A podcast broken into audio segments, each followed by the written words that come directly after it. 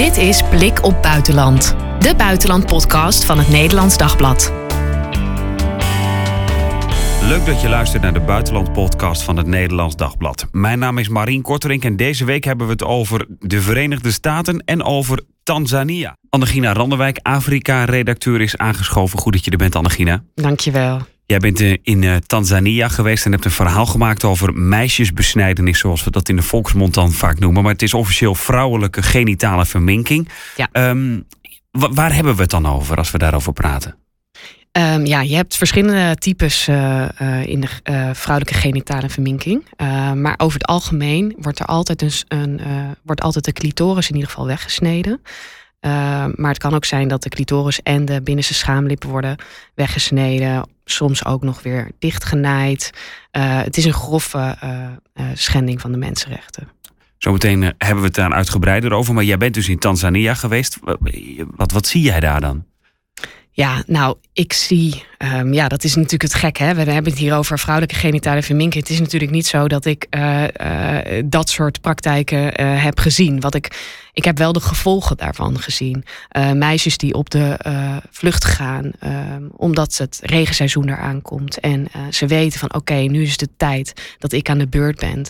je hoort de verhalen dat, ehm, ja, dat meisjes overlijden na, na een verminking het volk waar ik ben geweest heeft de traditie om meisjes te besnijden tussen hun 11e en 15e levensjaar ongeveer.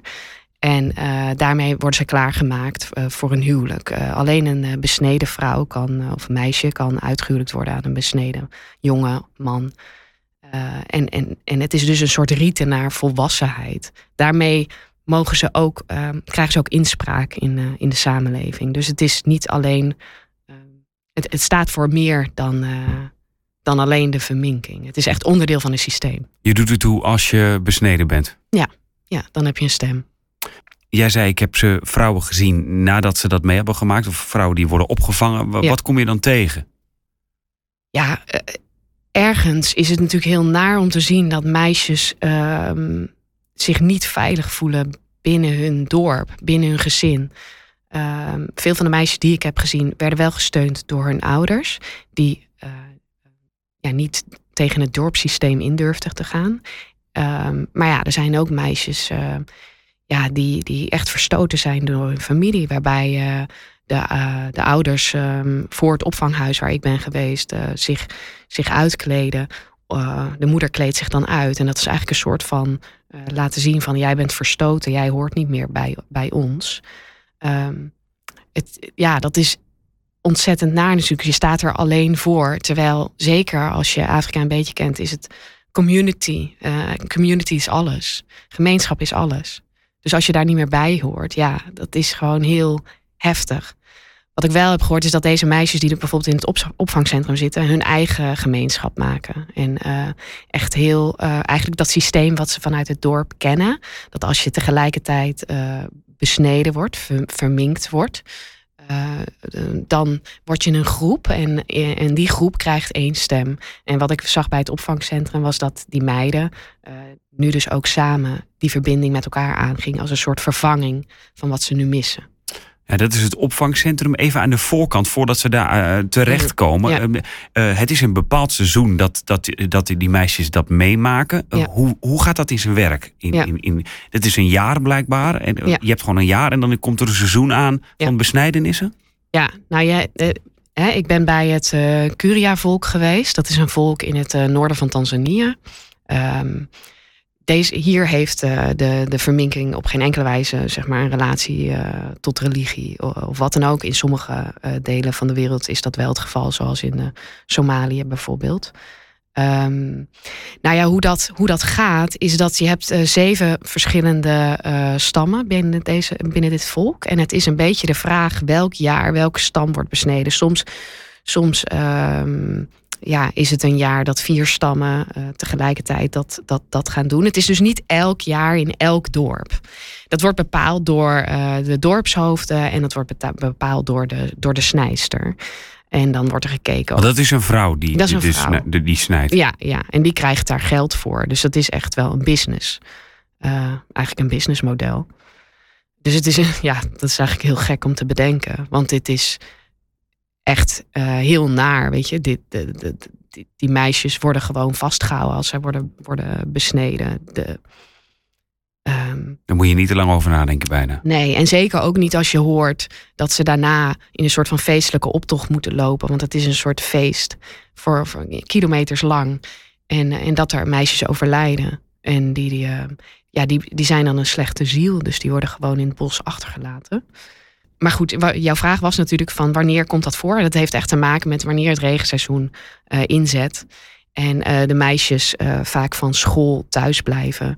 Of de jongens ook, want de jongens worden ook besneden. En meestal rond de kerstvakantie, maar soms ook rondom de voorjaarsvakantie, na onze voorjaarsvakantie dan. Hè. En hoe gaat dat dan in zijn werk? Dan weten ze dat het seizoen is. En ik las dat verhaal over die opvanghuizen. Ja. En ik dacht, ja, je kan toch niet in een dorp. Is het, lijkt het mij, als ik dat dan even in Nederland probeer voor te stellen, is het lastig. Want ze weten natuurlijk waar je woont en, uh, ja. en waar, waar de kinderen van uh, jongere leeftijd wonen. Ja. Uh, of in ieder geval de leeftijd waarop dat gebeurt. Ja. Um, hoe, hoe werkt dat dan? Ja, Worden ze dan uit hun huizen, gehaald? Nou ja, ze weten natuurlijk, het gons natuurlijk in het dorp van, oh, het gaat dit jaar, is het bij ons in, in, in het dorp. Of hè, die, die snijster komt dit jaar bij ons in het dorp. Ik bedoel, dat weet, ja, dat, wordt, dat weet iedereen Dat weet iedereen natuurlijk al, ja. Dus uh, het is niet een soort van dief in de nacht. Het is uh, gewoon wel uh, van, oké, dit jaar is het hier. En um, deze meisjes hebben meestal voorlichting gekregen via scholen, uh, waar NGO's dan voorlichting geven over de gevolgen van, uh, van verminking. Want dat gebeurt daar inderdaad al wel, dat je dus die voorlichting krijgt. Ja, maar dat, dat maar dat komt omdat, het, omdat ze wel naar staatsscholen gaan, hè, naar gewoon uh, openbare scholen. En daar kunnen NGO's dan voorlichting geven. Um, dus als meisjes dat hebben gezien, want daar worden foto's laten zien. En het is echt niet, het is echt niet mals. Het is echt maar goed, wel om hen te, laten, eh, om te, te, laten realiseren van ja, maar dit, is, dit staat je te wachten. En als je hier tegenin wil gaan, dan, dan, ja, dan kan je naar het opvanghuis uh, komen.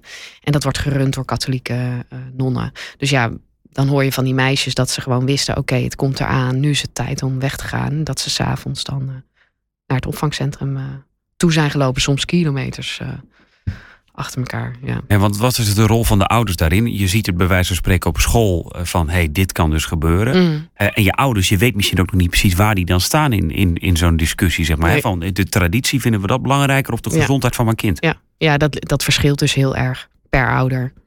Je hoort van, uh, ik heb wel van meisjes gehoord dat ja, als de vader is overleden, dan, dan is de moeder te kwetsbaar. Dus die kan niet voor, voor, haar, hè, voor haar meisjes gaan staan, voor haar dochters gaan staan.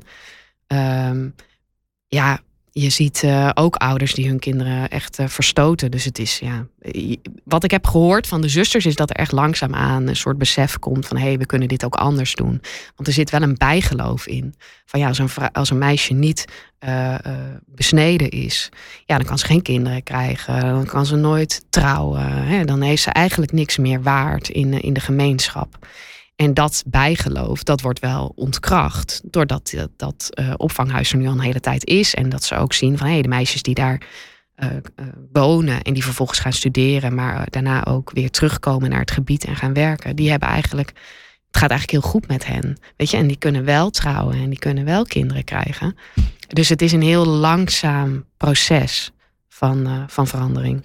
En hoe zijn die verhoudingen dan op dit moment? Zeg maar, hoeveel uh, meisjes zeg maar, gaan uh, in dat seizoen echt naar het opvangcentrum? En uh, is dat zeg maar 80% doet nog mee aan de traditie? Of is het echt al bijna 50-50? Zeg maar? Oh ja, dat, nou dat kan ik niet, dat durf ik niet te zeggen. Um, ik weet wel dat, dat ze het ene seizoen heel veel meisjes binnenkrijgen. Dan hebben ze het over 2000 meisjes. Uh, soms komen ze ook over de grens, hè, want het is een, dit is een volk dat leeft op de grens met Tanzania en Kenia. Dus soms komen ze echt uit Kenia naar, dat, naar het opvangcentrum lopen. Um, maar hoe de verhouding is, dat, uh, dat durf ik niet te zeggen. Dan komen ze dus in dat opvangcentrum en, en dan? Ja, dan, uh, nou ja, op het moment dat, hè, dat de festiviteiten echt beginnen, zoals ze dat uh, natuurlijk zien vanuit de traditionele kant, dan ehm, ja, worden, wordt er echt wel, um, worden, worden de hulpverleners ook wel bedreigd, weet je. Uh, dus het komt regelmatig voor dat die meisjes, uh, ja, dat ze proberen die meisjes terug te halen. Dat er over de hekken geklommen wordt. Dat, er, eh, dat, ze, dat ze uit de slaapzalen worden gehaald. Of dat ze dat in ieder geval proberen. dus het is echt een strijd eigenlijk. En dat moet dus ook goed beveiligd worden bijvoorbeeld. Ja, dat, zeker. Ja. En het grappige is wel toen ik daar was, dat de bewaker die ik daar sprak, was een fel voorstander van deze praktijk. toen zijn dochter besneden moest worden. Zijn dochter is gevlucht. Zij is uiteindelijk de beste ja, een van de beste studenten van Tanzania geworden. Oh ja.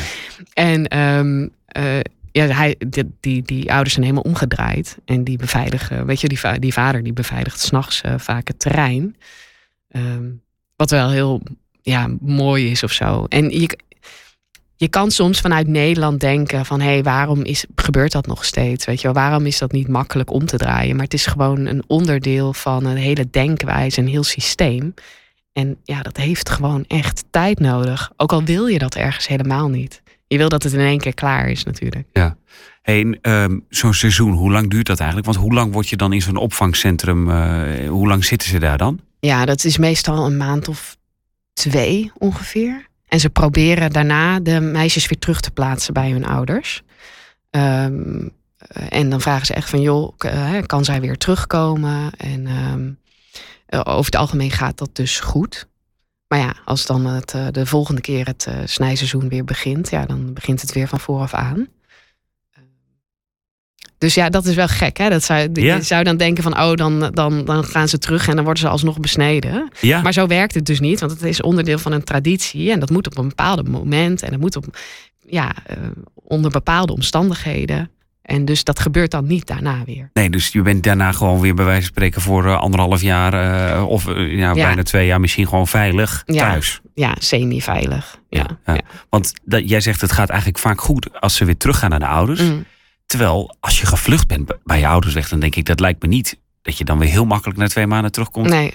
En dat het dan allemaal weer goed is. Nee, maar ik denk dat dat sowieso ja, dat, dat, dat, dat zal sowieso zo zijn, ja. Dat zal niet in één keer allemaal goed zijn. Nee. En wat ik daar ook wel heb gehoord, is dat het. Um, um, dat sowieso in de cultuur veel geweld voorkomt. Dus ja, dat, dat is een heel systeem wat, uh, wat moet veranderen. Ja, want het klinkt wel, wrang, klinkt wel wrang natuurlijk dat je eigenlijk kunnen wij ons niet voorstellen dat als, als je zoiets meemaakt, dat je dan weer gewoon goed thuis komt. Maar dat is misschien ook niet zo. Maar het is misschien meer van dat gebeurt daar wel vaker. Dus ja. is het niet heel bijzonder. Ja. ja, en ik denk wel dat er een bepaalde acceptatie uh, komt al bij, uh, uh, bij dorpsouds of een bepaald inzicht van. Ehm, die verandering zal op een gegeven moment wel, wel, wel doorgaan. En hoe ver kan je daar tegen blijven verzetten? Maar goed, het verzet is soms echt uh, dodelijk ook. Uh, want ik had een van die docenten gesproken die dus zo'n uh, voorlichting gaf op een, op een school. En die vertelde ook dat het jaar daarvoor een van zijn collega's gewoon op straat was vermoord, omdat hij zo'n voorlichting had gegeven. Um, aan de andere kant, toen ik daarbij zat en zat te kijken naar die voorstellingen die de kinderen opvoerden ehm, over genitale verminking, toen dacht ik ook wel, oh ja, de dorpsoudsten worden wel echt neergezet als, als gekkies. En uh, de vaders zijn echt, hebben, hebben, hebben niet het goede voor met hun kinderen. En de, en de vrouwen zijn, de moeders die zijn heel onderdanig. Dat, um, dat ik ook wel hoorde van, ja, dorpsoudsten zijn niet echt blij dat ze op die manier worden neergezet.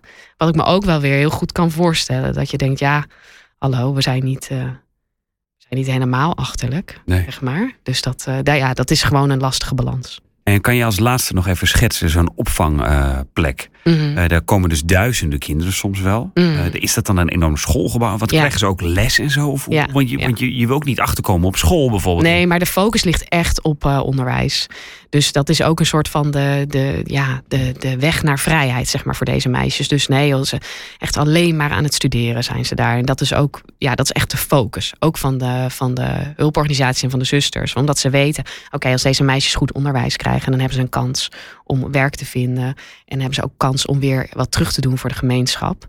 En de meisjes die ik daar sprak, ja, die zijn allemaal ontzettend gedreven om, uh, om verandering te brengen in hun gemeenschap. Weet je, een van die meisjes die wil dan rechten gaan studeren.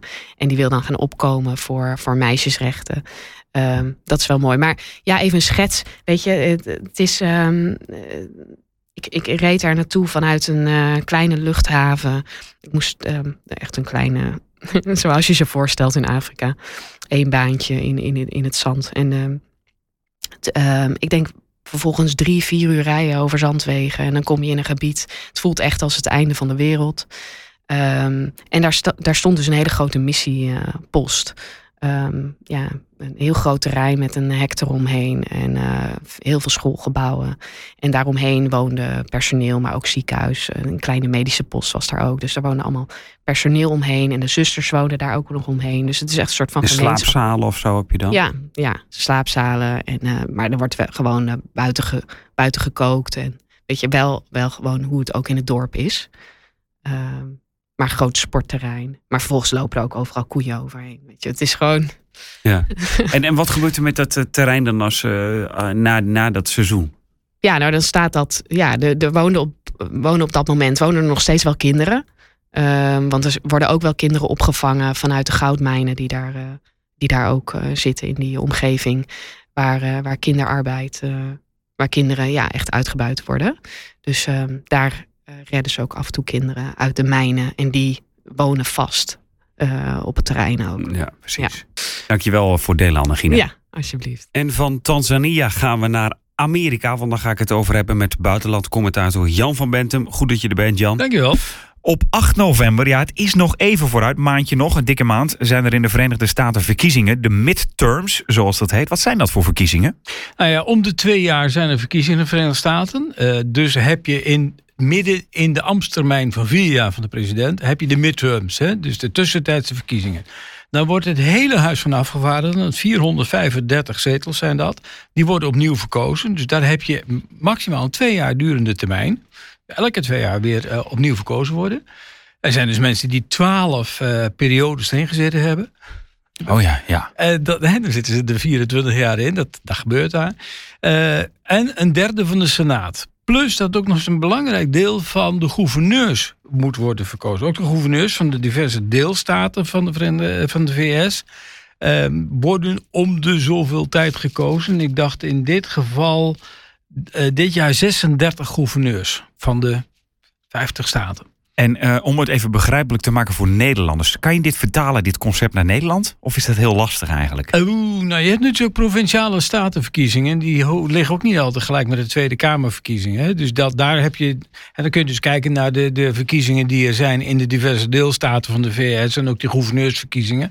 Uh, er wordt dus op alle mogelijke niveaus wordt de campagne gevoerd. Want je, al die staten hebben zelf ook nog eens een keer een ja, wat dan heet of een parlement of een, uh, of een huis van afgevaardigden en een, en een senaat. Dus ook daar zijn verkiezingen voor. En dan heb je nog eens weer op allerlei andere niveaus, dus functies binnen die staten, maar ook binnen de federale staat, daar zijn dan ook weer verkiezingen. Uh, dus ja, het is één groot verkiezingscircus, ja. Amerika. En hoe belangrijk zijn ze? Nou ja, hartstikke belangrijk, omdat um, er vaak een soort tussentijdse beoordeling wordt gegeven in die midterm elections, zoals dat dan heet, en die tussentijdse verkiezingen van het functioneren van de president en de regering. En de Amerikanen houden van uh, gebalanceerde macht. Dus wat nog eens vaak gebeurde is dat de president, die had dan de meerderheid, dus die begon in de, in de Senaat en of ook het Huis van Afgevaardigden, maar dat al dan midden in zijn termijn hij te maken kreeg met uh, een meerderheid van de andere kant. Uh, zodat er meer overleg moest zijn, meer bipartisan heet dat dan met een Amerikaans woord. Hè? Dus over de partijen heen stijgend overleg over grote zaken die heel Amerika aangaan. Je zou kunnen zeggen, uh, de, de, coalitie in Nederland, in de, die in de Eerste Kamer geen meerderheid meer heeft, dus moet overleggen ook. In die, uh, in die orde van grootte. Maar dat model werkt niet echt meer. Al, al jaren niet meer. Er is zo'n loopgravencultuur in de politiek in, de, in Washington gekomen. Dat het, als dan de oppositie de meerderheid heeft in het Huis van Afgevaardigden en, het, uh, en de Senaat uh, ja, het doelwit is uh, de regering het leven zo zuur mogelijk maken en alles blokkeren wat die kan, uh, wat die kan verzinnen. Ja, dan krijg je dus een onwerkbare situatie. Dan krijg je een tamelijk onwerkbare situatie, ja. Ja, heftig wel. Dat, nou ja, daar had Obama bijvoorbeeld mee te maken. Daar had Clinton mee te maken. de Republikeinen hebben tamelijk huisgehouden tegen Clinton ook. Vooral in zijn tweede termijn. Ehm, maar en ook Obama, uh, ja, die, die, die moest met grote weerstand had hij te maken in de, in de Senaat. En om, om wetten door te kijken. Denk bijvoorbeeld aan Obamacare, hè, die wet op, de, op betaalbare zorgkosten voor, voor iedereen. Dat, dat is nooit echt helemaal doorgevoerd. Dat, dat was niet te doen op die manier. En dat betekent eigenlijk dat je land dus twee jaar stilstaat, want je kan geen besluiten nemen. Nou ja, dat kan het in ultimo betekenen, ja. Dat, dat je nou, bijvoorbeeld geen benoeming meer doorkrijgt. Als je ergens een ambassadeurspost moet uh, vullen, dat uh, de Senaat het vierkant vertikt om de benoemingsbesprekingen te starten. Ehm, dat je geen rechters kunt benoemen, bijvoorbeeld, omdat de Senaat ook dat blokkeert. Bijvoorbeeld, er was een vacature in het Hoge Rechtshof in de Verenigde Staten in de laatste maand, maanden van het presidentschap van Obama. En toen hebben de Republikeinen in het de Senaat het benoeming van een nieuwe hoge rechter geblokkeerd. Zodat een van de eerste dingen die Trump kon doen toen hij president was, dat die plek opvullen. Ja. Ik wil het zo meteen over Trump hebben. Uh, want jij bent afgelopen week gaan kijken naar de Republikeinen richting die midterms, uh, dus uh, op 8 november. Wat zie je bij de Republikeinen eigenlijk? Ik zie, nou, ik krijg heel veel mails van dat kamp van Trump. Ik heb er afgelopen maanden heb ik het in een speciale box gegooid en ik zit nu op dik 2200 mails. Maar er zit een verschuiving in en dat is wel opvallend. Het was tot nu toe eigenlijk alleen maar over Trump en over zijn bijeenkomsten en zijn rallies. En uh, die waren geweldig natuurlijk enzovoorts. En, maar nu zie ik ook dat mijn adres is gedeeld binnen de Republikeinse Partij, binnen die conventie, zoals dat heet. Die organiseert dan uh, zeg maar de hele verkiezingscircus. Met andere kandidaten. Ik kreeg bijvoorbeeld een mail van Mike Pence, de voormalige vicepresident en nu toch ook wel politiek tegenspeler van Trump. En van Rick Scott, eh, die ook hoog in de boom van de Republikeinse Partij zit, wel weer aan de kant van Trump. Uh, en, en, en ook van andere senatoren, bijvoorbeeld voor herverkiezing. Met andere woorden, um, het is niet meer koekoek eenzang, wij volgen met z'n allen alleen Trump. Er is iets meer ruimte voor aandacht voor anderen. Nou, dat heeft natuurlijk ook te maken met die verkiezingen in de diverse deelstaten. Maar het is wel opvallend ineens. Ja, en even voor de duidelijkheid: je kan bij de midterms dus niet op Trump stemmen, hè? maar nee. dat gaat meer over van wie moet straks onze nou ja, kandidaat over twee jaar jij worden. Jij stemt wel deels op Trump, want je hebt primaries. Hè? Je hebt de voorverkiezingen binnen de Republikeinse Partij. Wie wordt kandidaat voor afgevaardigde of voor senator in de diverse staten of districten. Hè. De Huis van Afgevaardigden gebeurt op basis van districten, 435. En senatoren, dat gebeurt op basis van de staten. Je hebt uh, bepaalde staten hebben twee senatoren. Um, en uh, dan moet er dus worden gekozen wie is kandidaat. Nou, Trump heeft daar een hele actieve rol in gespeeld. Ook heel nadrukkelijk. En wat blijkt nou als je dus alles stelt, dat heeft de BBC bijvoorbeeld gedaan, die zegt verdraaid. De kandidaten die Trump heeft gesteund, hebben voor 92% van hen heeft inderdaad het kandidaatschap in handen gekregen. Ja, want voor de duidelijkheid nog, eh, om het helder te krijgen. Eh, je kan dus niet op Trump stemmen, maar die zegt dan eigenlijk bijvoorbeeld stem maar op die senator. Stem maar op, stem maar op die. Nou, en heel, die winnen dus heel vaak. Die winnen heel vaak. Eh, heel bekend is ook iemand als Liz Cheney. Ook, uh, die, die zit in die uh, commissie die, de, die, die, die die opstand op 6 januari moet onderzoeken. Hè, die bestorming van Capitool. Nou, dan wordt hij door veel republikeinen, pro-Trump republikeinen zien haar als verrader. Want het is natuurlijk een onderzoek naar welk, wat is de rol van Trump hierin geweest. Uh, zij moest het opnemen tegen een door Trump sterk gesteunde kandidaten in haar eigen deelstaat. En ze heeft verloren. Dus Liz Cheney is uitgespeeld straks na de midterm elections. Ja. Maar wat je ook ziet is dat ze nu opvallend, wel bijvoorbeeld in Texas, dat is echt een republikeins bolwerk, uh, is uitgenodigd voor een belangrijke talkshow, voor een belangrijk uh, congres ook over hoe moet het nu verder. Dus wat dat betreft is er wel ruimte en aandacht nu voor. De, nu er allerlei dingen boven tafel zijn gekomen. In die commissie ook. Ja. Wat verwacht jij eh, van die midterms eigenlijk? Um, er is heel veel aandacht voor. Bij, tot nu toe is er bij de voorverkiezingen een hogere omkomst dan, bij de, dan in 2020. Dus bij november 2020 had je natuurlijk. Bij de reguliere presidentsverkiezingen. Ja, maar toen had je dit ook, hè? Ja, ja. Dus je hebt dit circus elke twee jaar. En dan komt er om de vier jaar komt er ja, uh, de, een verkiezing bij. bij. Ja, ja. ja. Um, en toen, uh, toen had je dus een minder hoge opkomst dan nu. Dus er is een grote betrokkenheid. Het kan best ook zijn dat uh, zeg mensen die, die, die, die twijfelen van wat moeten we nu doen, ook voor andere kandidaten stemmen. Um, Ja, en je weet echt op dit moment niet helemaal welke kant het opvalt. De Democraten deden het tot voor kort erg slecht. En het leek erop dat de Republikeinen een behoorlijke meerderheid zouden houden, wat dus een beetje tegen de traditie ingaat. In het Huis van Afgevaardigden. In het Huis van Afgevaardigden en in de Senaat. Uh, maar dat beeld kantelt in de laatste peilingen. Dat komt ook omdat Trump een dat de regering Biden een aantal maatregelen heeft getroffen waar behoorlijk wat Amerikanen ook economisch voordeel bij hebben. De Amerikaanse economie doet in verhouding tot die van Europa behoorlijk goed. Al zijn er nu wel wat problemen op de beurs en dergelijke. Die is flink gedaald ook de afgelopen weken. Ja, de dollar, ja. En uh, de, nou, de dollar doet het ten opzichte van de euro uitstekend. He, de, de, bijna gelijk één op één. Dat is al een tijdje zo. Dus wat dat betreft uh, heeft Europa het uh, beroerder slechter dan Amerika. de werkloosheid is historisch laag in Amerika. De, nou, al dat soort zaken. En dan is er nog, zijn er allerlei wetten nu aangenomen en actieprogramma's voor het terughalen van high-tech industrie naar Amerika toe, zodat de positie van de Verenigde Staten ook ten opzichte van China en andere landen weer sterker wordt. Nou, dat is duidelijk een Biden-agenda. En die wordt daarmee beloond. En die spreekt wel aan. Die agenda spreekt ook Republikeinen aan, want hij kreeg dit er niet door zonder Republikeinse steun. Dus die, die zijn er wel voor, ja. Die evangelicals, staan die nog steeds achter Trump in dit geval? Of kiezen ze voor andere kandidaten als ze al republikeins, als ze republikeins stemmen? Er zijn twee ontwikkelingen in. Je hebt... Uh, uh, als je gaat kijken naar de, wat dan zegt de witte evangelicals, dus uh, zeg maar de, de, de, de, klassieke achterban, die blijven nog redelijk loyaal achter Trump staan. er zijn ook artikelen over verschenen in bijvoorbeeld de columnist Michael Gershon zelf, christen, van Trump zou, gezien zijn gedrag en wat nu verduidelijk wordt, zouden de christenen echt met woede moeten vervullen. Van wat, wat is dit voor man? Maar hoe kan het nou, zegt hij, dat dat niet gebeurt? Er is wel een verklaring voor. Uh, je ziet ook dat binnen de Democratische Partij een radicalere koers was. Zeker in 2020. Hè? Bernie Sanders bijvoorbeeld, maar uh, Elizabeth Warren, idem dito. Kamala Harris tot op zekere hoogte. Die is dan weer relatief gematigd. Trump helemaal. Of Biden helemaal. Um, maar die, die, die wat, wat venijnige progressieve richting, die heel nadrukkelijk in die Democratische Partij uh, aan de weg timmert, die heeft een dédain, een soort minachting voor, die, voor de witte evangelicalen, die erg gevoeld wordt.